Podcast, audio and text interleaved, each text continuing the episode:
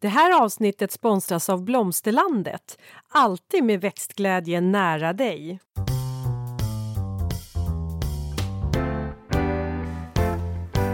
Välkommen till Ulrika och Lindas trädgårdspodd. Och det är jag som är Linda Kylén, trädgårdsmästare. Och det är jag som är Ulrika Levin, trädgårdsdesigner. Nu ni ska vi prata köksträdgård idag. Och egentligen kanske inte enbart utifrån ett odlingsperspektiv utan snarare utifrån hur en kan utforma det så att det också blir snyggt. Kanske lite mer åt det franska potager, eller? Absolut, så är det. För jag tror både du och jag, om du skulle göra, nu har du gjort en köksträdgård. Men om jag, jag har gjort många. Ja, du har gjort många. Mm. Du har gjort många köksträdgårdar Ulrika. Men Aha. du har gjort en köksträdgård hem till dig. Ja. Och sen har du också gjort en till eh, huset i Skåne. Ja. ja, så du tänker mer de som jag nyttjar själv? Ja, exakt. Ja. Mm. Själv Stämmer. har jag inte gjort någon köksträdgård som jag nyttjar själv. För jag har ju främst odlat sommarblommor. Däremot så har jag ju varit och eh, spanat och iakttagit många köksträdgårdar. Och jag har ju märkt att de köksträdgårdarna som riktigt eh, har fått mitt så här, hjärta att klappa lite extra det är ju de köksträdgårdarna som inte bara är odling utan där det också samplanteras i. Ja, där håller jag med. Men du, innan vi går in lite på, på själva ämnet så, så skulle jag vilja höra vad, vad du har gjort eh, i, under sista tiden, sista veckan. Ja du Ulrika, vad är det jag håller på med om dagarna här? Nej, men... nej, nu får du hitta på något annat än flytten. Det kan du inte säga varje gång. Nej, jag... men det är ju verkligen flytten och flytten och flytten. Nej, men vet du vad? Jag har faktiskt varit iväg uppe i Vemdalen med mitt tjejgäng. Åh, oh, vad mysigt! Väldigt mysigt. Eh, nu var det ju, det har gått några dagar sedan dess, men, äh, men faktiskt. Eh, att bara få åka iväg med tjejkompisar man blir ju inte riktigt sin ålder. Alltså så här, jag är ju inte 47 när jag är ute och hänger med mina tjejkompisar utan då är man ju typ 16-17 år. Förstår du? Ja, jag tycker väl snarare sådär att man är alla åldrar samtidigt. Ja. Beroende lite på situationen. Ja, fast jag tror att vi är nog mera 16 ja, överlag. Okay. Liksom. Ja. Sådär. Och det, men det är väldigt roligt. Och vi skrattar och vi, men vi blandar liksom allt. Mycket, mycket, mycket skoj är det. Men vi blandar ju såklart eh, även samtal som är lite mera såhär allvarsamma och funderingar. Jo men det är det det blir. Och ja. sen, sen, är det väl så med, med sina kompisar att det det som gör att man kanske känner sig som om man var i tonåren och sådär, det är väl också att vid de tillfällena så slappnar den av. Man du vet, släpper hela det här. Man har bara sig själv att tänka på. Man tänker inte på barn och familj och Nej. jobb. utan... Nej, ah, de, det... de har ingen aning om knappt då att jag är trädgårdsmästare till exempel. Mm. Så jag behöver ju inte alls vara det professionella jag utan jag kan bara vara medium bara vara Linda. Alltså nu är jag ju oftast Linda bara jämt. Men, men alltså just det där att man eh, eh, får bara umgås och vara, vara liksom roligt ihop utan att eh, hålla på och prata jobb, om vi säger så. Men den vänkretsen, är det vänner som du har känt väldigt länge eller är det en blandning av nya och gamla vänner? En blandning av nya och gamla. Min eh, äldsta kompis, eh, alltså vi är typ som systrar vi, eh, vi, alltså vi, våra mammor kände varandra innan vi föddes. Så att vi har ju liksom, hon låg i sin mammas mage och jag låg i min mammas mage och de liksom, så här, fikade ihop. Så att vi har ju känt varandra och gått i samma klass ända fram till eh, årskurs eh, nio tror jag va. Så bytte vi och sen har vi hängt ihop hela livet så att jag kan ju hennes, jag kan hennes liv helt. Alltså det, det är verkligen som en, en syster. Mm. Är det. Mm. Så det, det, är fantastiskt att få ha en sån, en sån vän. Men sen de andra två tjejerna, de, är, ja, men de har kommit in lite senare på senare år. Men vi har väldigt roligt för vi har mycket gemensamt. Så det är det som liksom håller ihop oss. Alltså, vet du vad som är väldigt viktigt? Det är att man ligger på samma nivå när det gäller så här, skämt och ha roligt ihop. Ja. Man skrattar åt samma ja. saker, tar tokigt, man kan prata. Ja. Man behöver inte säga åh nu missförstod nog hon mig. Utan de fattar. Men man har en förförståelse. Oh. Och sen så återigen det som vi har pratat om tidigare. Att, att någonstans att eh, en vet från början att den vill varandra väl. Ja! Och, och då, då ska det mycket till för att man så att säga ska, ska krocka, mm. tycker jag. Just så. Mm. Ja, men, och vad har du pysslat med då? Eh, eh, jo, men jag ritar ju trädgårdar nu. Nu håller jag på med såna här projekt som, ja, de är lite utmanande. Det, det är ganska knepiga murar, nivåskillnader och sånt som jag sitter och pular med olika projekt. En del pooler, ja, ja men stora trädgårdar helt enkelt. Um, och sen vet du vad? Jag har äntligen hittat en ny serie Jaha. som jag kan kolla på med min tolvåring. Vi, vi hittade ju Friends, det har jag sagt i något avsnitt. Ja, just det. Vänner, den här eh, serien då som vi tittade på tillsammans. Och så har vi haft lite svårt att hitta något sånt här ja men du vet, som är lite roligt, där avsnittet inte är för långt och där man bara kan gå in i det och kolla ett avsnitt så här en vardag tillsammans. Och så hittade vi Modern Family. Jag har aldrig sett den tidigare. Nej, det den har inte jag. asrolig. Alltså du vet, vi såg första avsnittet och vi bara garvar båda två. Och det är så skönt Linda, för du vet varje säsong är typ så här 20-24 avsnitt och jag tror det har gått i 10 säsonger. Oj! Och vi bara yes! Men det där måste jag, nu måste jag anteckna det här bland min, mina köksträdgårdsanteckningar. Modern ja, Family. Bland din potager. Mm, bland potager, jag skriver Modern Family. Ja. Yes. Jo men faktiskt den är rolig. Ah, Sevärd. Nu står det här, då ska jag ah. ta och se om inte jag kan få göra detsamma med mm. min, min dotter kanske. Ja, ja. ja men det är kul. Mm. Eh, men du? Yes, ska vi gå på ämnet? Ja, det tycker jag. Ja. Eh, och så här, hur tycker du att en köksträdgård ska vara? Du var ju inne på det lite precis innan. Ja, men jag var inne på och sa att för min egen del så vill jag att en köksträdgård såklart ska vara praktisk, men den ska också vara vacker. Och jag tänker också på ursprunget på trädgården, eller köksträdgården eller överhuvudtaget liksom, den här platsen att odla på. Och det är ju Edens lustgård. Mm. Edens lustgård, den var ju verkligen en blandning utav just blommor och ätbart. Alltså lustgård, man bara liksom ah, kan ju bara visualisera sig liksom. Att, och det är väl där för mig jag vill att en köksträdgård ska vara. Den ska vara lustfylld för alla sinnen. Men Edens lust trädgård. Nu, nu, lustgård. Lust, Edens lustgård. Ja. Eh, den bibliska det vet jag inte. varianten. Det vet jag inte. Men jag ser ju den här Edens lustgård framför mig med ja. äpplen och såklart äpplet var ju med där. Ja, det ja. sket ju sig totalt kan man ju säga. ja, det vet jag. I, om vi tar den ja. i, i, den kontexten ja, så att säga, utifrån. Ja. Eh, ja, så, så var det ju. Men jag håller med Linda. Jag tycker Tack. också att en Men... Eh, köksträdgård ska vara ja.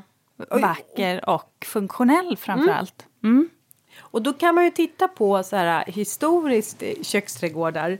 Eh, för ursprunget till köksträdgårdarna det ligger ju i de medeltida klosterträdgårdarna. Ja. Och därefter så spreds det vidare sen in, eller levde vidare in i renässansen.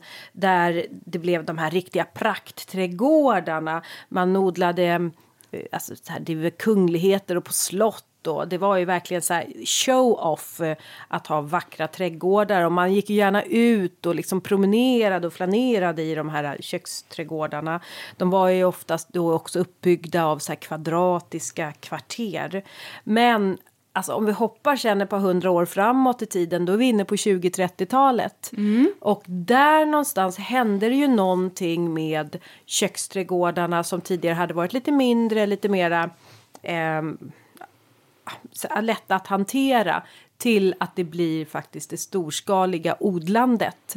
Där gick man ju från att odla då så här i deras små kvarter liksom på odlingsbäddar till åkrar, långa rader eh, som man odlade på. Men det gjorde ju också att eh, det blev ett rationellt sätt att odla på men kanske att eh, de här liksom, växtbetingelserna kanske inte var det bästa. För det blir ju ganska blåsigt mm. när de är, liksom, odlas så här öppet. Men det var rationellt.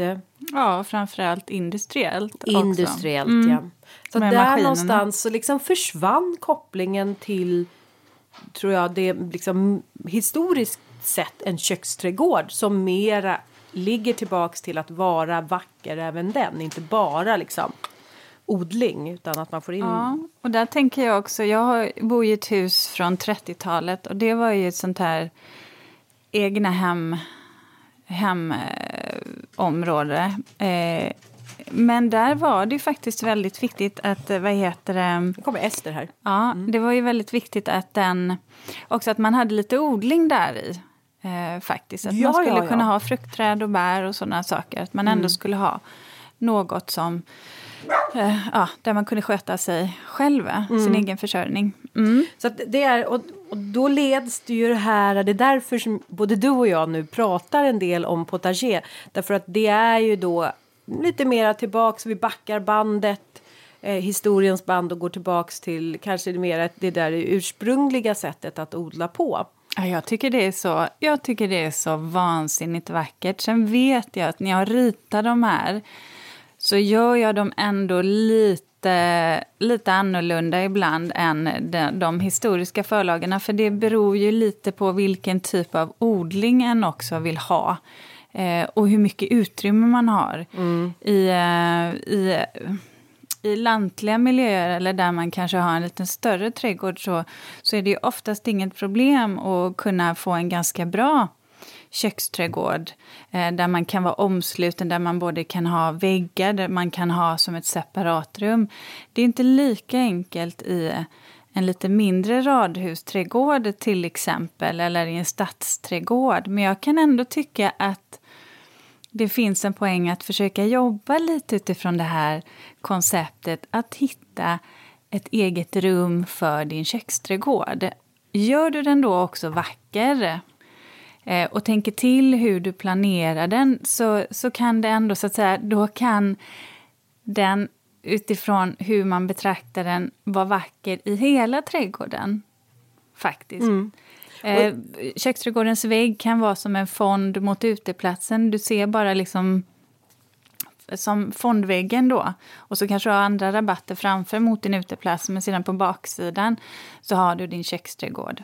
Det, nu är du inne på någonting som är Hortus conclusus som är just latin för den inhägnade trädgården. Ja. Och det är ju också någonting som man på de här medeltida trädgårdarna då hade man dem oftast muromgärdade för att skapa det bästa så här, mikroklimatet såklart. Men också eh, en eh, ja, men också hålla djur borta och det vilda. Ja. Det kan ju också vara stängsel som man har, men annars är det ju Hortus conclusus. Just det, det gjorde jag faktiskt. Det ritade jag precis klart nu, kom jag på. Jaha. Till en um, trädgård i Bromma. Jaså? Eh, där de ville ha där de ändå har en köksträdgårdsdel eh, och där det finns, eh, där man satt dit ett växthus och det är så himla mycket rådjur eller, oh. som springer där. Så då sa hon, vi måste bara hängna in det. Så då har jag faktiskt gjort en i, med en träram eh, där jag har spaljer i trä men delvis också faktiskt på nät.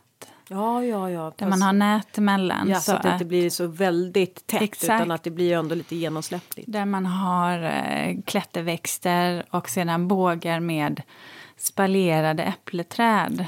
Mm. Vackert. Ja, och mm. rosor. Ja. Så att, eh, det tror jag blir jättefint när det blir färdigbyggt. Cortenlådorna är redan redan färdiggjorda så att säga. För vi mm. kommer jobba med trä, silvergrått trä, silvergrått trä och sen så kommer vi ha en avtäckning på de här spaljerna i kortenplåt. Ja, vi kommer in på det där med odlingsbäddar och utformningen ja, av dem. Jag. Ja, hur, det hoppas jag. Ja, men, men de här omgivande väggarna då, Linda? Mm. Murar kan ju vara lite knepigt att få till här, lite mm. utifrån bygglovsperspektiv men också från konstruktion. Det kan bli ganska dyrt. Ehm, mm. Eh, eh, av den anledningen tror jag inte alla kan satsa på det eftersom att vi har ju vinter och eh, yeah. frostsprängning så att det kräver en speciell konstruktion. Men har du, alltså, har du no några materialval som du tänker att man kan jobba med för att skapa väggar? Ja, men det enklaste skulle jag ju säga det är ju de här som har blivit så otroligt populära på senare år. Det är ju kastanjestaketen. Ja, ja, precis. Som är så lätta att liksom bara sätta upp, linda ut dem, spänna upp dem och de finns på alla möjliga olika höjder. Det är väl ett. Det andra är ju som du var inne på ett, ähm, äh, ett staket med äh, i, i, nät, eller vad sa du? Det var... Ja, nät. Ja. Och det, jag, tycker så här, jag tycker inte man ska fastna i att allt behöver vara armeringsnät också. För att går du till en plåtfirma eller ett plåtföretag så är det ju så att det finns ju olika typer av nät som man har till, du vet, ja, men olika typer av staket eller inhägnader. Och då kan man faktiskt eh, få eh, måttanpassade nät som mm. är både lite tätare eller eh, eh så kan man använda, använda armeringsnät och så kan man liksom varmgalva dem eller liksom pulverlacka dem om man vill ha andra färger. För att det funkar inte alltid med det här rostiga i alla trädgårdar. Nej. Det är inte en stil som, som alla dras till. Mm. Eh, så att jag tänker att när man säger nät, tänk på att det finns andra valmöjligheter än mm. armeringsnät just. Ja. Eh, jag tänker också på slanor, alltså som eh, pil. Gärdsgård? Ja, eller? Men alltså, ja, dels gärdsgård är en annan, men jag tänker på pil. Ah, att man liksom så. kan då, mm. och speciellt om man har liksom lite större marker som en annan nu kommer ha på Åsby där vi kommer kunna ha möjlighet att gå ut och rensa sly. Jag tänker att vi ska ta tillvara mycket av det här slyt på våren för då är det ganska liksom lätt att böja och hantera och sen att man med hjälp av det kan då fläta med hjälp av slanor. Eh, och nu kanske vi inte kommer göra helt och hållet för det här ute på Åsby kommer vi ha en ganska stor odling men jag tänker olika komposter ja. kommer vi kunna använda oss utav då att liksom göra mm. med hjälp av de här slanorna. Mm. Som, vägg, som väggar så tycker jag ju också naturligtvis eh, häckar som ja. du kan klippa mm. som du kan klippa smala. Jag vet nere på, jag tror nere, jag var nere och besökte en trädgård nere i Skåne. Där nere hade de alltså så här riktigt taggiga så här låga växter. Nu kommer jag inte ihåg vad det var för någon men ni, tänk så här taggiga eh, häckväxter för att har man problem med till exempel harar eller sådär mm. så brukar de faktiskt så här, ja, de drar sig för att faktiskt gå igenom det där som är allt för taggigt. Så är det. Då får man också tänka på att man inte gärna gå barfota där heller. Men det gör man inte alltid i en köksträdgård Nej. vill jag bara säga. Alltså jag kan tala om efter min mammas hund som råkade ut för ormbett här på, hos henne. Så är det nästan så att när jag går ut i trädgården, hos, i alla fall hos min mamma. Så här, jag har ju alltid på mig gummistövlar för jag är så jädrans rädd för att bli ormbiten. Eller or, alltså gummistövlar. 28 grader och Linda ja, går i bikini och gummistövlar. Ja, Vilken syn. Ja, ja. Träskor kan jag också men jag, tycker, jag har sån himla respekt ja. för just eh, eh, ormar. Men vet du vad, en annan sak som jag faktiskt tycker om och som jag tycker funkar oavsett trädgårdsstil, det är faktiskt spaljerade fruktträd. Ja. Jag tycker det är helt fantastiskt, ja. för du kan du kan forma dem precis som du vill. De kan vara smala, du kan välja vilken höjd du vill ha. tycker det är fantastiskt. Och när de blommar, det är så fint och så kommer den här frukten då. Alltså Ulrika, för ett par veckor sedan la vi ut ett inlägg på Instagram där du står bredvid ett form, sånt spaljerat päronträd. päronträd. Just det, det jag liknar, liknar ja. ett träd ja. ja. Ja, där du liknar, och det var verkligen så här att liknas ett träd. Så att jag förstår att du ja. berättar om spaljerade. Men visst var det lite likt? Ja, fast du är mycket vackrare. Ja, ja jag är mänsklig i alla fall. Ja. Men jag, jag var förvånad. Jag trodde inte att eh, Nej, jag var lika senig som ett träd, men mm. uppenbarligen. Jag funderar på om man skulle kunna ha ett elstängsel. Ja, det kan du också ha.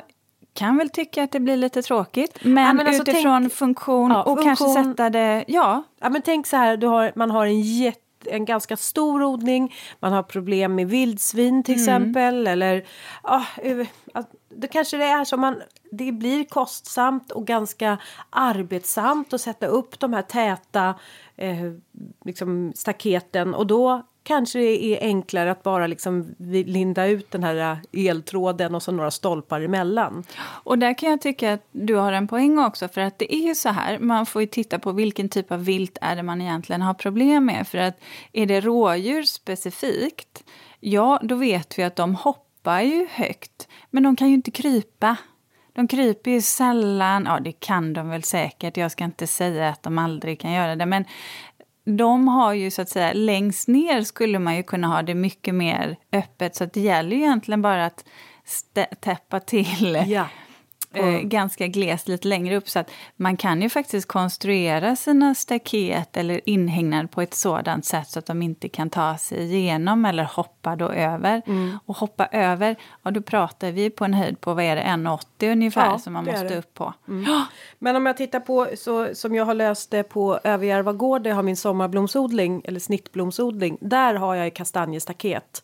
Och jag tror att på Åsby så kommer vi nog ha någon kombination av elstängsel, tror jag. Ja, och där behöver, ja, för det, det går ju inte annars. Det kommer ju käkas upp och blir det en tuff vinter så knaprar, ju, knaprar de ju på, på alla vedartade växter och det, ja, mm. då får man ju börja om från början hela tiden. Så kan och så ska vi ha, ha hästarna bredvid och tänk om de tar sig in. Och, ja, du förstår, det är inte bara rådjur det är men du, om vi, mm. om vi lämnar då inramningen, för nu tycker jag ändå att vi har lite koll på att någon form av inramning bör man ha till sin köksträdgård av praktiska skäl. Eh, men också för att för vinden och mikroklimat, rumsligheten, men också för att skydda den från oinbjudna gäster. Mm. Det mest praktiska annars, eller praktiska, jag vet inte, men det är klart att det vanligaste det kanske är ändå att man odlar i raka rader. Så här, man har odlingsbäddar och det är bara raka. Det är lätt att sköta om plantorna. Eh, man ser exakt vad man har liksom, liksom frösått, det är raka linjer. Men jag vet inte vad du tycker Ulrika, men själv så upplever jag att det blir lite ah, det blir ju inte så mycket så här eh, som väcker eh, fantasin eller som en så här skön plats att vara i. Faktum är att jag gjorde nämligen så i förra sommaren på min snittblomsodling. Då gjorde jag bara raka rader. Det var det enklaste och framförallt också väldigt praktiskt när jag som har självbevattning. Det var lätt att bara rulla ut självbevattningen i de här långa liksom så här, så det var väl en av anledningarna. Men jag kan väl säga att året innan så hade jag mera som kvarter och lite rundlar och mer, mm. mera fantasi. Och jag tycker faktiskt att det var så mycket mysigare att få vistas i den snittblomsodlingen än årets snittblomsodling. Mm. Jag, kan, jag kan nog tycka både och. För jag kan tycka att eh, strama geometriska former kan vara väldigt jättetrevligt. Det kan bli väldigt snyggt. Men då brukar jag ändå göra lite så som du säger att jag eh, ja, men öppnar upp. Jag kanske inte bara har en sammanhängande lång rad utan jag kanske svänger en gång eller du vet kapar ett hörn eller gör ett böjt hörn eller mm. tar en cirkel i mitten eller avslutar. Så att det, återigen, det handlar ju om är det odling som ska ske där och i den här då lite mer bågformade eller kanske cirkeln då som man har gjort? Vad är det för växter som ska vara där? Det kanske är de här prydnadsväxterna som man vill ha, de här mer blommande växterna. Eh, bi och fjärilsväxter som ska in i trädgården. Så att jag tycker att jag brukar nog tänka till lite kring, ja men som jag gör i trädgården i övrigt, form och höjd på växtligheten hur kommer det se ut? För man vill ju också man vill ju inte heller skugga sina planteringar så att man behöver ju också tänka till där. Och ibland så kan det vara så som du säger att man behöver ändra formen. Ibland kan man ju ha vågformade planteringar också men då är det ju återigen eh, egentligen eh, också en fråga om vad ska jag ha för... Eh, hur ska jag bygga upp eh, planteringsbäddarna? Är det så att jag bara ska jobba med med, det vill säga inga fasta ramar utan bara efter jorden, ja då kan jag ju forma den som jag vill. Plåt kan man ju också forma väldigt enkelt. Enkelt är ju svårare med trä till exempel. Så att det beror väl på hur böjligt material man jobbar med mm. kan jag tycka. Sen är det ju, precis som du sa, det är ju galet praktiskt. Det är galet praktiskt. Med raka linjer. Man brukar väl säga, det finns det här, du som också tycker om, eller du som också, jag är inte så jätteförtjust i mått, men ibland så måste man ju förhålla sig till måtten. Ja. Och det finns väl vissa så här gyllene mått, till exempel att en odlingsbädd inte bör vara bredare än mellan 80 till 120 centimeter. Odlingsbädden bör ej heller vara längre än 4 meter. Och det här handlar ju om att bredden är ju för att du ska kunna komma åt och rensa eh, den här odlingsbädden, eh, gärna från två olika håll, men då nå in odlingsbädden. Och längden handlar ju om att man vill ju här, kunna ta sig igenom odlingsbäddarna ja. och inte behöva kliva. Och det är ungefär så här, var fjärde meter är ett bra mått att ha en korsgång eller en passage igenom. Ja, för man vill inte ha någonting som som man ska hoppa över. Sen Nej. kan man göra det jätteenkelt om man nu eh, vill ha raka rader. Det är att man lägger typ två stegel, tegelstenar eller någonting och sen så låter man bara det löpa igenom en ja. av eh, eh, planteringsytorna. Ja, problemet hos mig var ju då att det där växte ju igen. Exakt, och då måste man veta. Inte de nej, där och så. nej, och då oh. måste man ju någonstans veta att de är alltid där. Ja, eh, man får märka ut dem. För då är de ju egentligen, de är till för att gå på men de är inte markerade som de övriga gångerna så kan man lösa det om, mm. om man liksom absolut måste. Eller att man har gjort väldigt långa planteringsbäddar redan från början och känner att det som du säger, det blir lite för långt att ja, gå. Jag märkte det av egen erfarenhet eh, på Överjärva att jag var så här, åh, måste jag gå hela vägen så här, åtta meter ner för att kunna vända och gå tillbaks på andra sidan när jag ville plocka vad det nu var för blommor. Lite långt. Så då, ja, då blev det att jag bara hoppa mm. över. Då. Men då är vi inne och pratar på gångar så finns det ju också mått på gångar. Mm. Eh, vad skulle du säga att en gång i en köksträdgård bör vara? Eh, pratar vi huvudgångarna då, det vill säga som man ska röra sig runt mm. på, eh, då, skulle jag då kan jag tycka att 60 är ganska bra. Eh, ska man ha de här, eller huvudgångar med jo, gångar som man går på? de ja. som är uppbyggda Precis, kring som, bäddarna. Ja, som inte behöver ta, så att det inte behöver ta så himla mycket yta i anspråk heller. För att grejen är ju att man ska ju tänka också på att en ska kunna sätta sig ner på huk ja. och inte liksom sätta rumpan i den andra planteringsbädden. Och då kan jag väl tycka att 60 är ett minimum. Ska man ha lite större gångar där man ska gå mer som du vet en ja, cent, vad ska man säga, en central gång. Då tycker jag att den kan gå upp mot 90 till liksom 100 centimeter. Den kan ju vara ännu större. Det beror ju lite på hur stor yta man har. Jag var ju lite för snål när jag anlade med, alltså för gångar. För jag vill ju odla så mycket som möjligt. Ja. Jag var ju så här, nej, det får inte vara bredare än så här för då får jag inte plats med allting.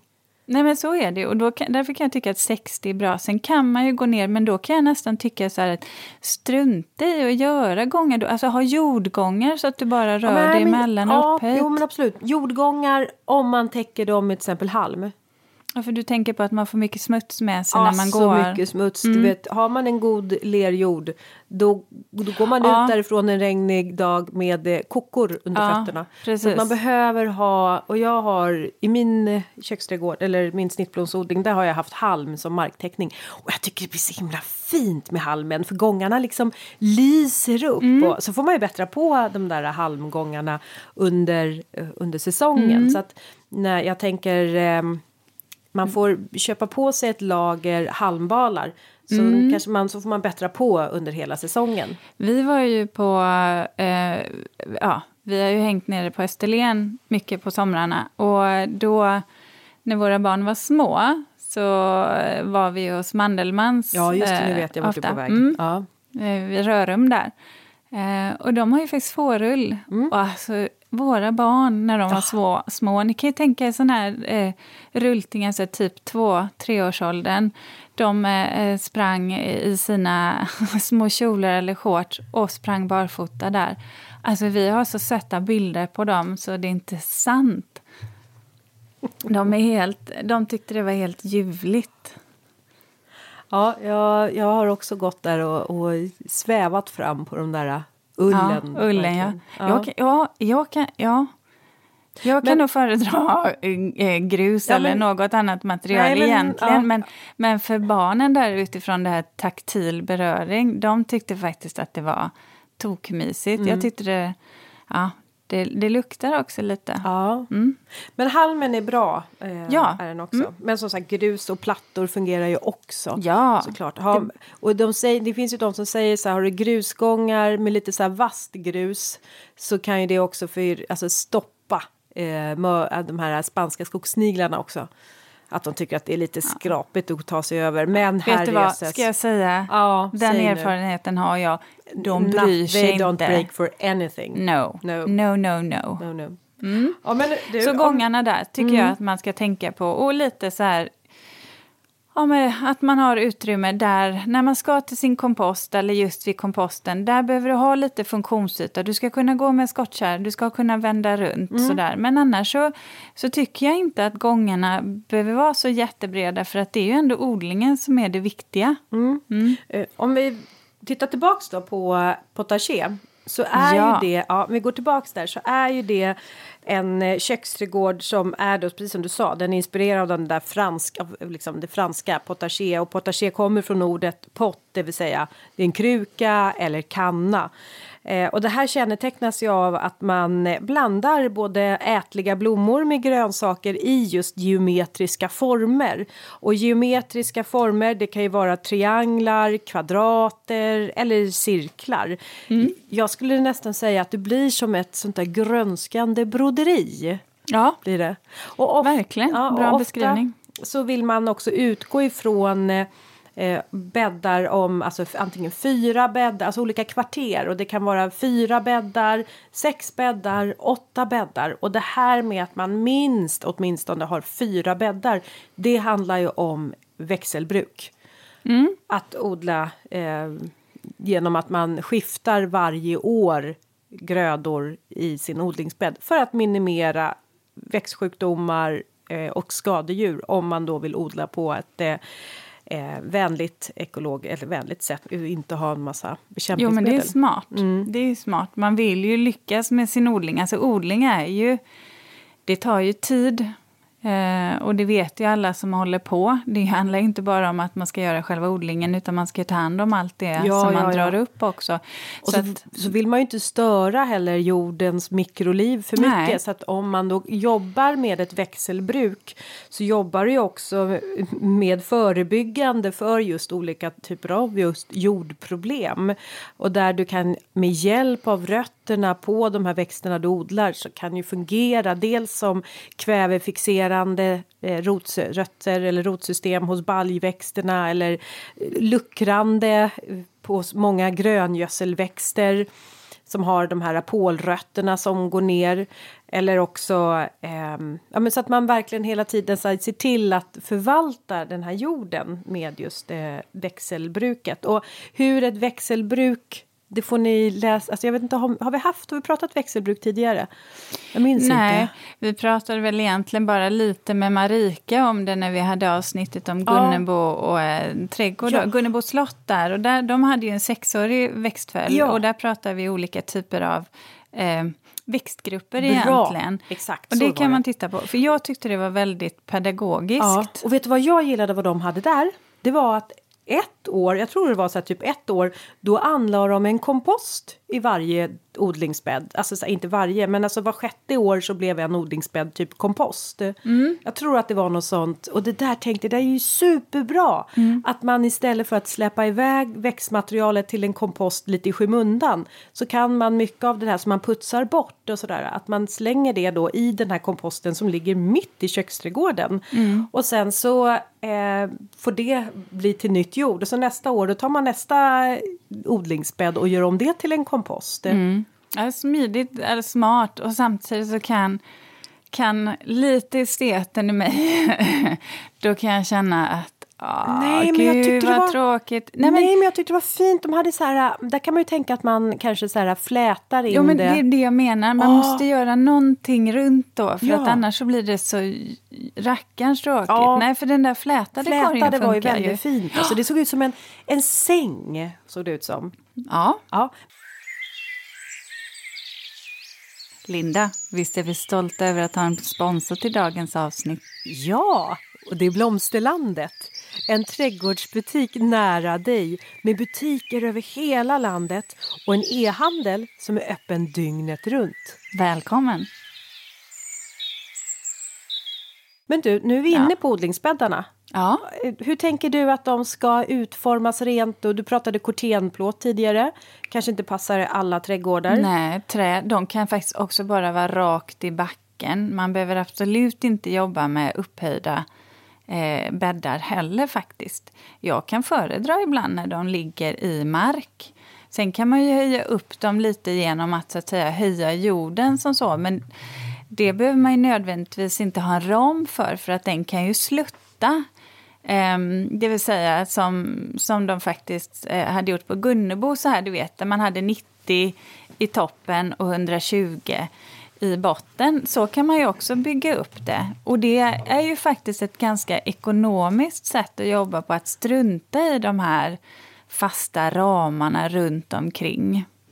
Och det kan jag väl tycka, det får man väl fundera lite på vad det är man vill ha. Återigen tänker jag stil, men jag gillar ju jag gillar ju när egentligen man kan få att man kan maximera förutsättningarna, det vill säga att man inte jobbar med eh, material eller eh, för små storlekar på sina bäddar så att jorden torkar ut för snabbt eller att det inte finns ett bra utrymme för rotsystemen för växterna. För jag tycker oftast att man då misslyckas.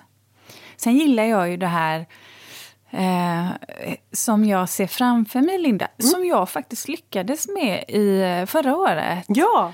Eh, det var ju, jag, kan tycka, jag kan tycka om när saker och ting sitter ganska tätt. Så att du vet, sådana här mellangrödor också, att det alltid är så grönt och prunkande. Jag älskar det i en köksträdgård och sen du vet vackra blommor samtidigt och sådär som man kan gå och skörda och inte bara då så här ätbart utan du vet till andra härliga Ja, du vet, sånt som doftar eller... Ja, då, är ju, då är du ju inne på potager igen. För ja. det är, är det någonting som verkligen in, ingår i en potager det är ju att det är mycket växter, det är ett överflöd. Och precis som du säger, istället för de här raka gångarna bara så planterar man ju snarare i block. Ja. Alltså man fyller upp hela ytan. Mm. Och gärna då att man fyller upp den där ytan med så att man, man har till exempel vackra salladshuvuden eller ja. plocksallad eller ja. svartkålen. Och, men det är klart, plockar man då lite kål eller man plockar en planta utav salladen då uppstår ju håligheter. Och då gäller det ju att du hela tiden har förodling, att du under hela sommaren ser till att odla så att du bara okej, okay, då planterar vi ut en ny. Ja, det, det är det liksom där rackarns växthuset. Ja, det är det ja. växthuset, ja. ja. Nej, men jag gjorde faktiskt precis så. Jag fick ju eh, både mangold, mangold och sallad i... Eh, det, var, det var faktiskt fantastiskt vackert. Och sedan så hade jag högre kål då emellan och det funkade ju alldeles utmärkt. Sen kräver det ju en en del näring, det gör mm. det ju absolut. Men ja, det blev väldigt vackert. Och det, och det bör man också ha koll på om man nu vill samplantera. Så är det ju med, med blommor, till exempel sommarblommor. Och gärna då ätbara sommarblommor. Eh, det är klart att är det sin egen köksträdgård och man har stenkoll på vad man odlar så då kanske man vågar bryta den regeln. Jag vet inte, men, men som sagt föredra ätbara blommor i en köksträdgård. Men då får man ju tänka på att de här blommorna de kan ju vara näringskrävande.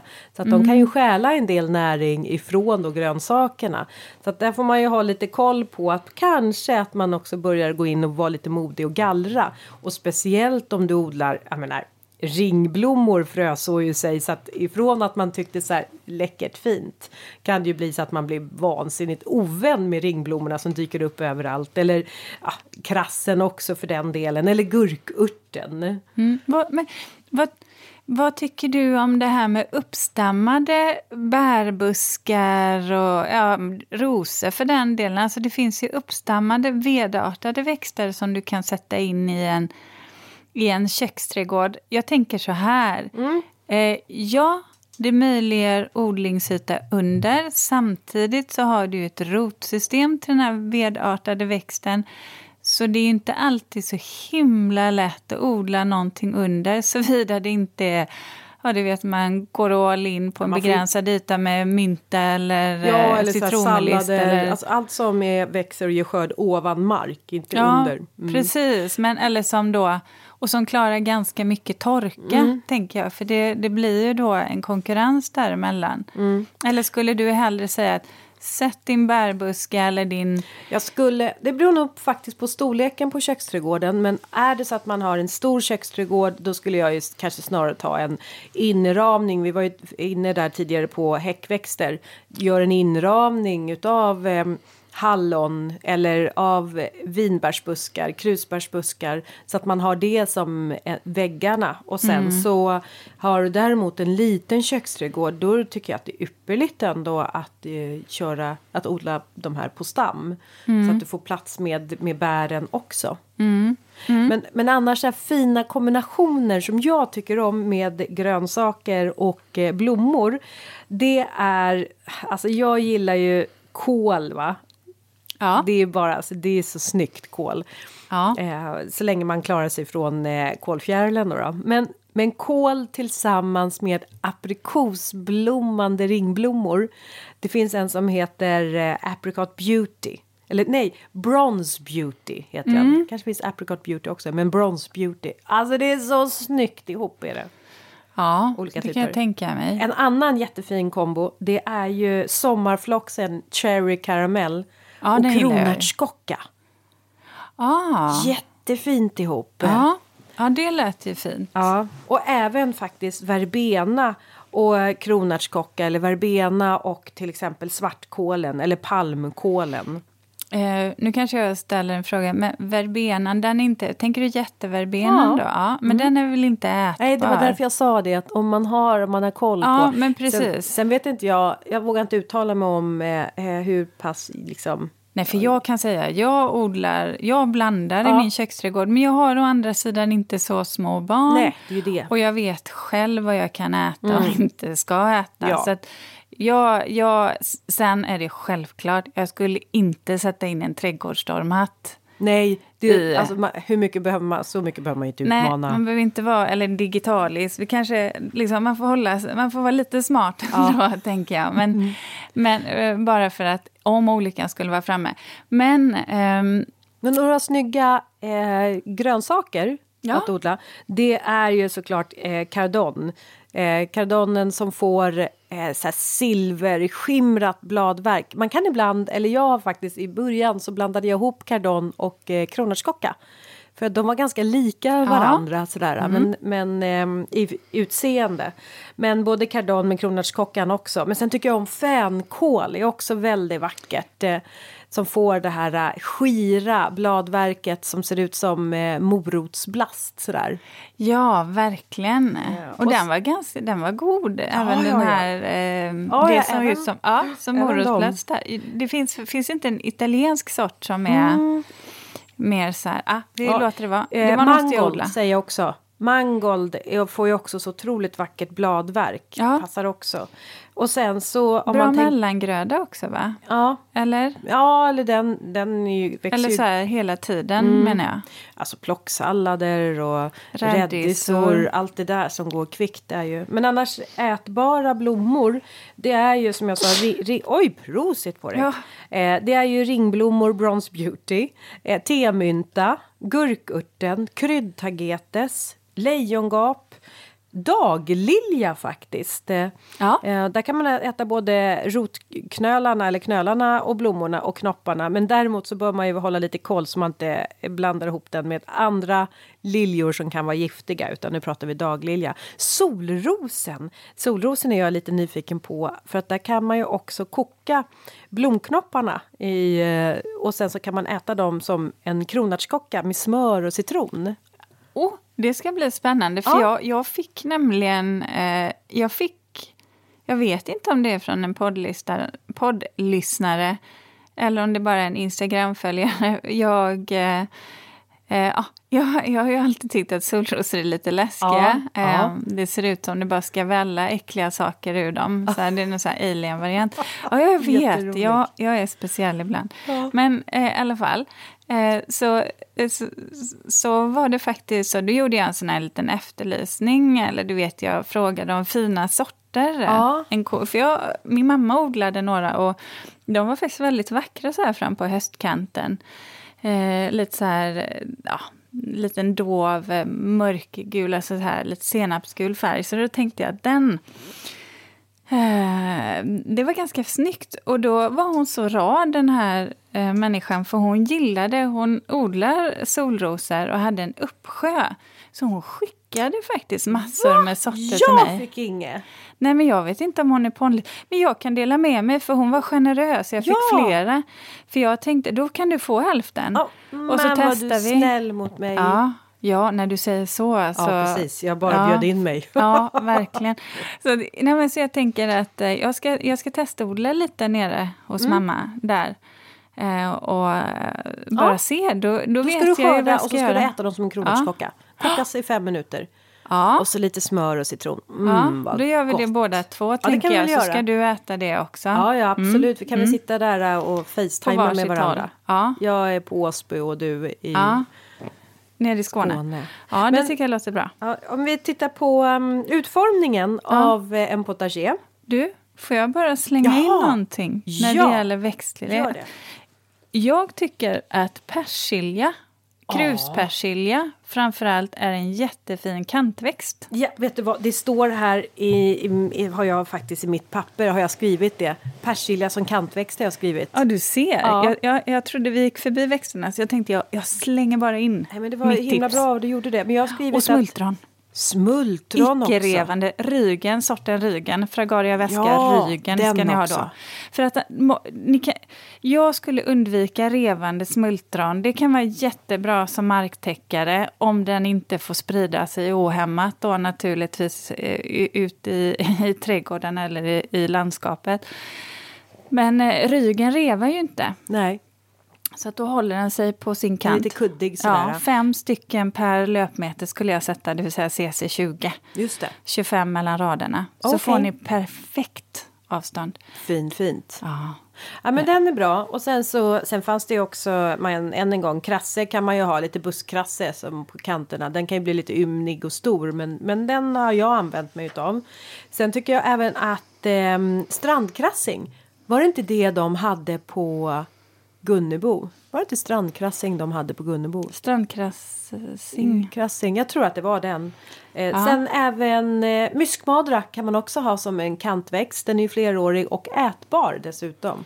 Sen vet jag att eh, om man tittar på i liksom, historiska trädgårdar då har de, många, har de ofta använt buxbom som inramningar också. Ja.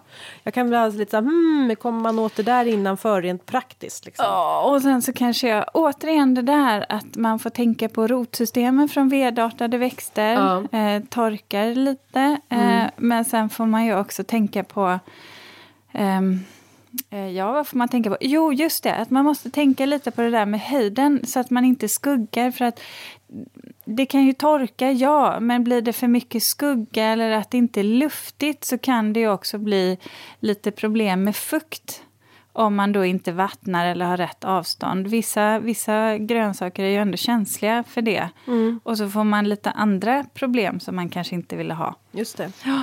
Men du, eh, Ja men okej, jag försöker ta tillbaks bollen till potager och eh, ja.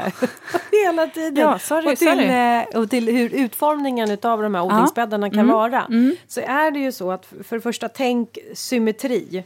Det är verkligen där potagern ligger. Symmetrin och sen så att de eh, är Alltså jag kan säga så här, börja och utgå ifrån mittpunkten av köksträdgården och sen så bygger man utifrån mittpunkten kanske fyra stycken bäddar, liksom kvarter kring en mittpunkt.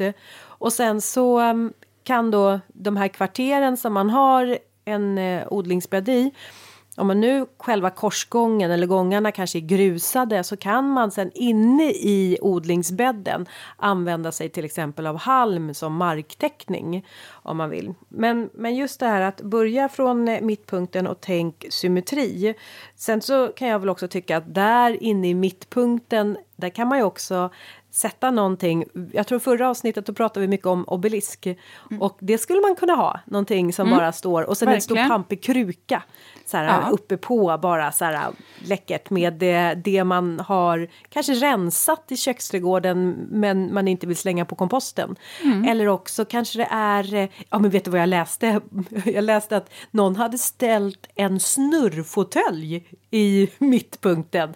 Det är väl jättehärligt? Tänk att sitta där inne och bara snurra lite lätt och titta på sina odlingar och Mm. Eller hur? Jag, jag funderar lite på jag funderar lite på om jag alltid skulle utgå från mittpunkten, men jag, jag förstår vad du menar. En mittpunkt är ju inte alltid en... Ja, det kan ju vara centrum i köksträdgården, men jag tänker också att mittpunkten kan vara den sociala mm. mittpunkten, det vill säga ja, att det kan vara eh, utifrån att ja, men om man har ett växthus så kanske det är kant alltså i ena kanten, ena änden av det. Men det beror ju på återigen hur man vill dela upp de här eh, ytorna. Mm. Så att man snarare utgår från det. Men då kommer jag ju tillbaka på det här med med kanske perspektiv medan du kanske är inne på hur, ja men liksom mer i detalj hur man kan bygga upp växtbäddarna i olika formationer där. Mm. Mm. Exakt.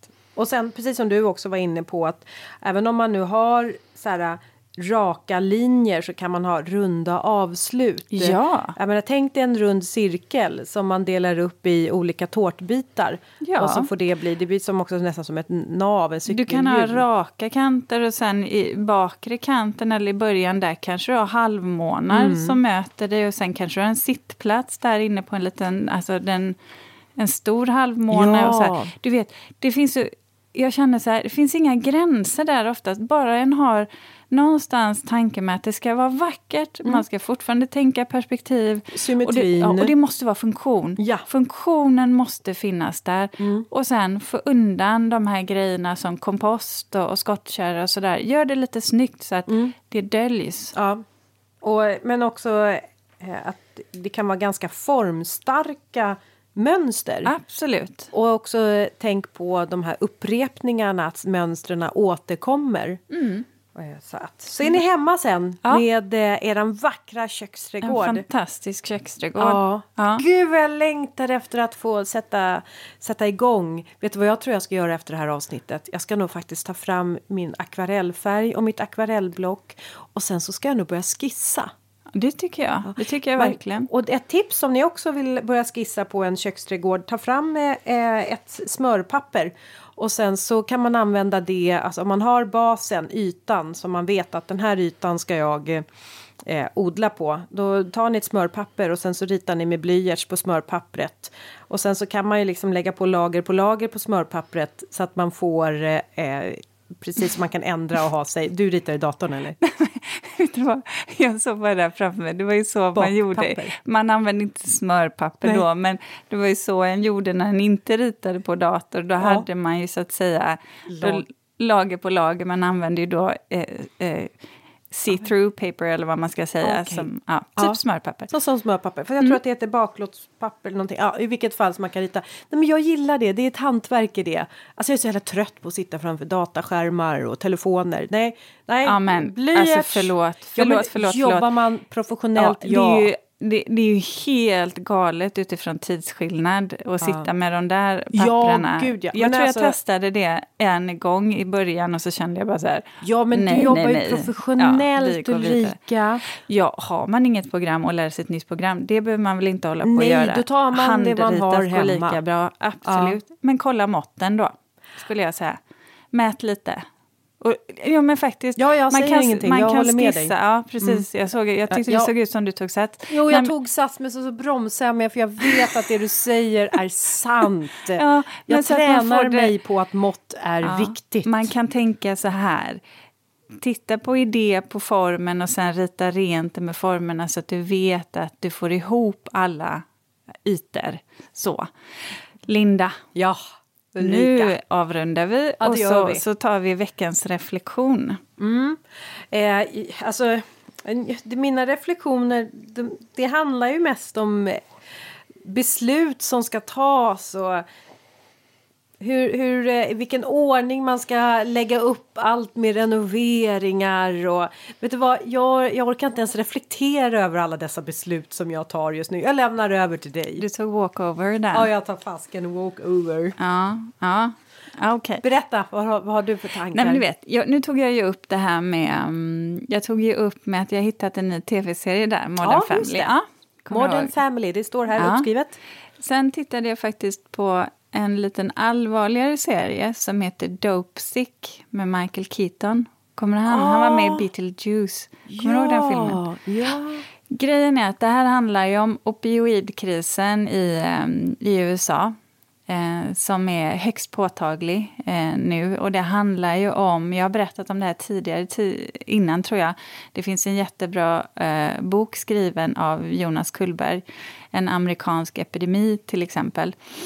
Nej, men det handlar ju om ett läkemedelsföretag som eh, skapar ett läkemedel, eh, Oxycontin, ett opioidbaserat läkemedel där man då marknadsförde det här väldigt, väldigt kraftigt och eh, tonade ner riskerna, alltså för att det är högst beroendeframkallande och man gav och var egentligen till för människor med väldigt små, svår och långvarig smärta. Det gavs ju sedan till, eh, till eh, ja, vem som helst i princip, alla typer av smärta, även psykosomatisk smärta nästan. Så att, eh, de lyckades väldigt väl med att prångla ut det här, men det har ju lett till en katastrofal ökning av eh, överdoser sen, alltså beroende. Och det är så hemskt, och man vet ju hur det här slutar. Eh, nu har det här företaget blivit stämt, Purdue Pharma, Eh, så att eh, det är massor med processer som pågår i USA. Men det är så fruktansvärt många människor, Linda, som dör i det här och som blir drogberoende. Och serien är så... Den beskriver det här väldigt väl. Också hur vem som helst kan bli beroende. Efter en operation till exempel så har de fått de här opioidläkemedlen och så har de blivit beroende. Um, och det har spridit sig och det värsta är ju också att uh, det drabbar ju även barn, nyfödda barn som föds, alltså de är narkomaner redan från födseln. De kan eh, få någonting som heter NAS, eh, nu ska jag se om jag kan uttala neonatalt abstinenssyndrom där. Men och, ja, jag vet att jag tror Svenska Dagbladet hade ett så fint reportage om det här, väldigt hemskt också, men men jag kan inte släppa det, för de här barnen då föds eh, som knarkare med svåra, svåra abstinensproblem. Och som de måste alltså avgiftas så fort de föds. Och de, har, de lider, de har så svåra Alltså muskelsmärtor, ledsmärtor, de krampar, de får slaganfall. Nej, de är extremt så här, ljudkänsliga. Ibland så blir jag så här att jag, jag vill stänga av ja. det, det svåra. Att jag känner att det, det blir för... Det påverkar mig ja, för men mycket. Det är ju hemskt. Och då, och då blir jag också som att jag inte tar ansvar om jag känner att jag vill stänga av. Men det är bara för att jag Åh, oh, gud, jag vill värja mig. Vill... Den här serien då handlar ju inte om de här barnen, utan det handlar mer om opioidkrisen och hur den har vuxit fram. Men ja, sevärd är den och jag, jag kan inte riktigt släppa hur den här opioidkrisen ändå för, förändrar demografin för amerikanerna. Det vill säga att medellivslängden faktiskt sjunker på grund av att människor dör. Äh, så sorgligt. Okej, okay, jag får se om jag vill se den. Eh, Hade Modern en... Family tänker jag i alla fall Men, skriva upp. vet du vad? Nu Nej. ska jag avsluta med någonting jag som blir positiv, lite för nu var det faktiskt gladare. väldigt tungt här. För det var ju faktiskt därför jag ville ta upp ja, den här okay. serien. Yes. Ja, för vet du, Linda, Nej. alla saker de nämner i ett av de sista avsnitten på den här serien, det är Epson fotsalt. Ja! Och då tänkte jag, just det, det var ju det Linda pratade om i avsnitt 72 om tomaterna, näringen för tomaterna. Ja! Det, då fnissar jag faktiskt lite. Då, Linda var med där på ett hörn. Ja, så på var ett det. positivt hörn. Det var Ja. inget, men det var Epson, ja, ja. Epson. Mm. Hörni, Ja. eh, tack för att ni har lyssnat. Ja, tack för att ni lyssnar. Vi hörs om en vecka. Ja, det Hej. gör vi. Räkna med det. Som alltid Eller-. Gubben i lådan. Ja, Gubben i lådan, brev på posten, går som på räls.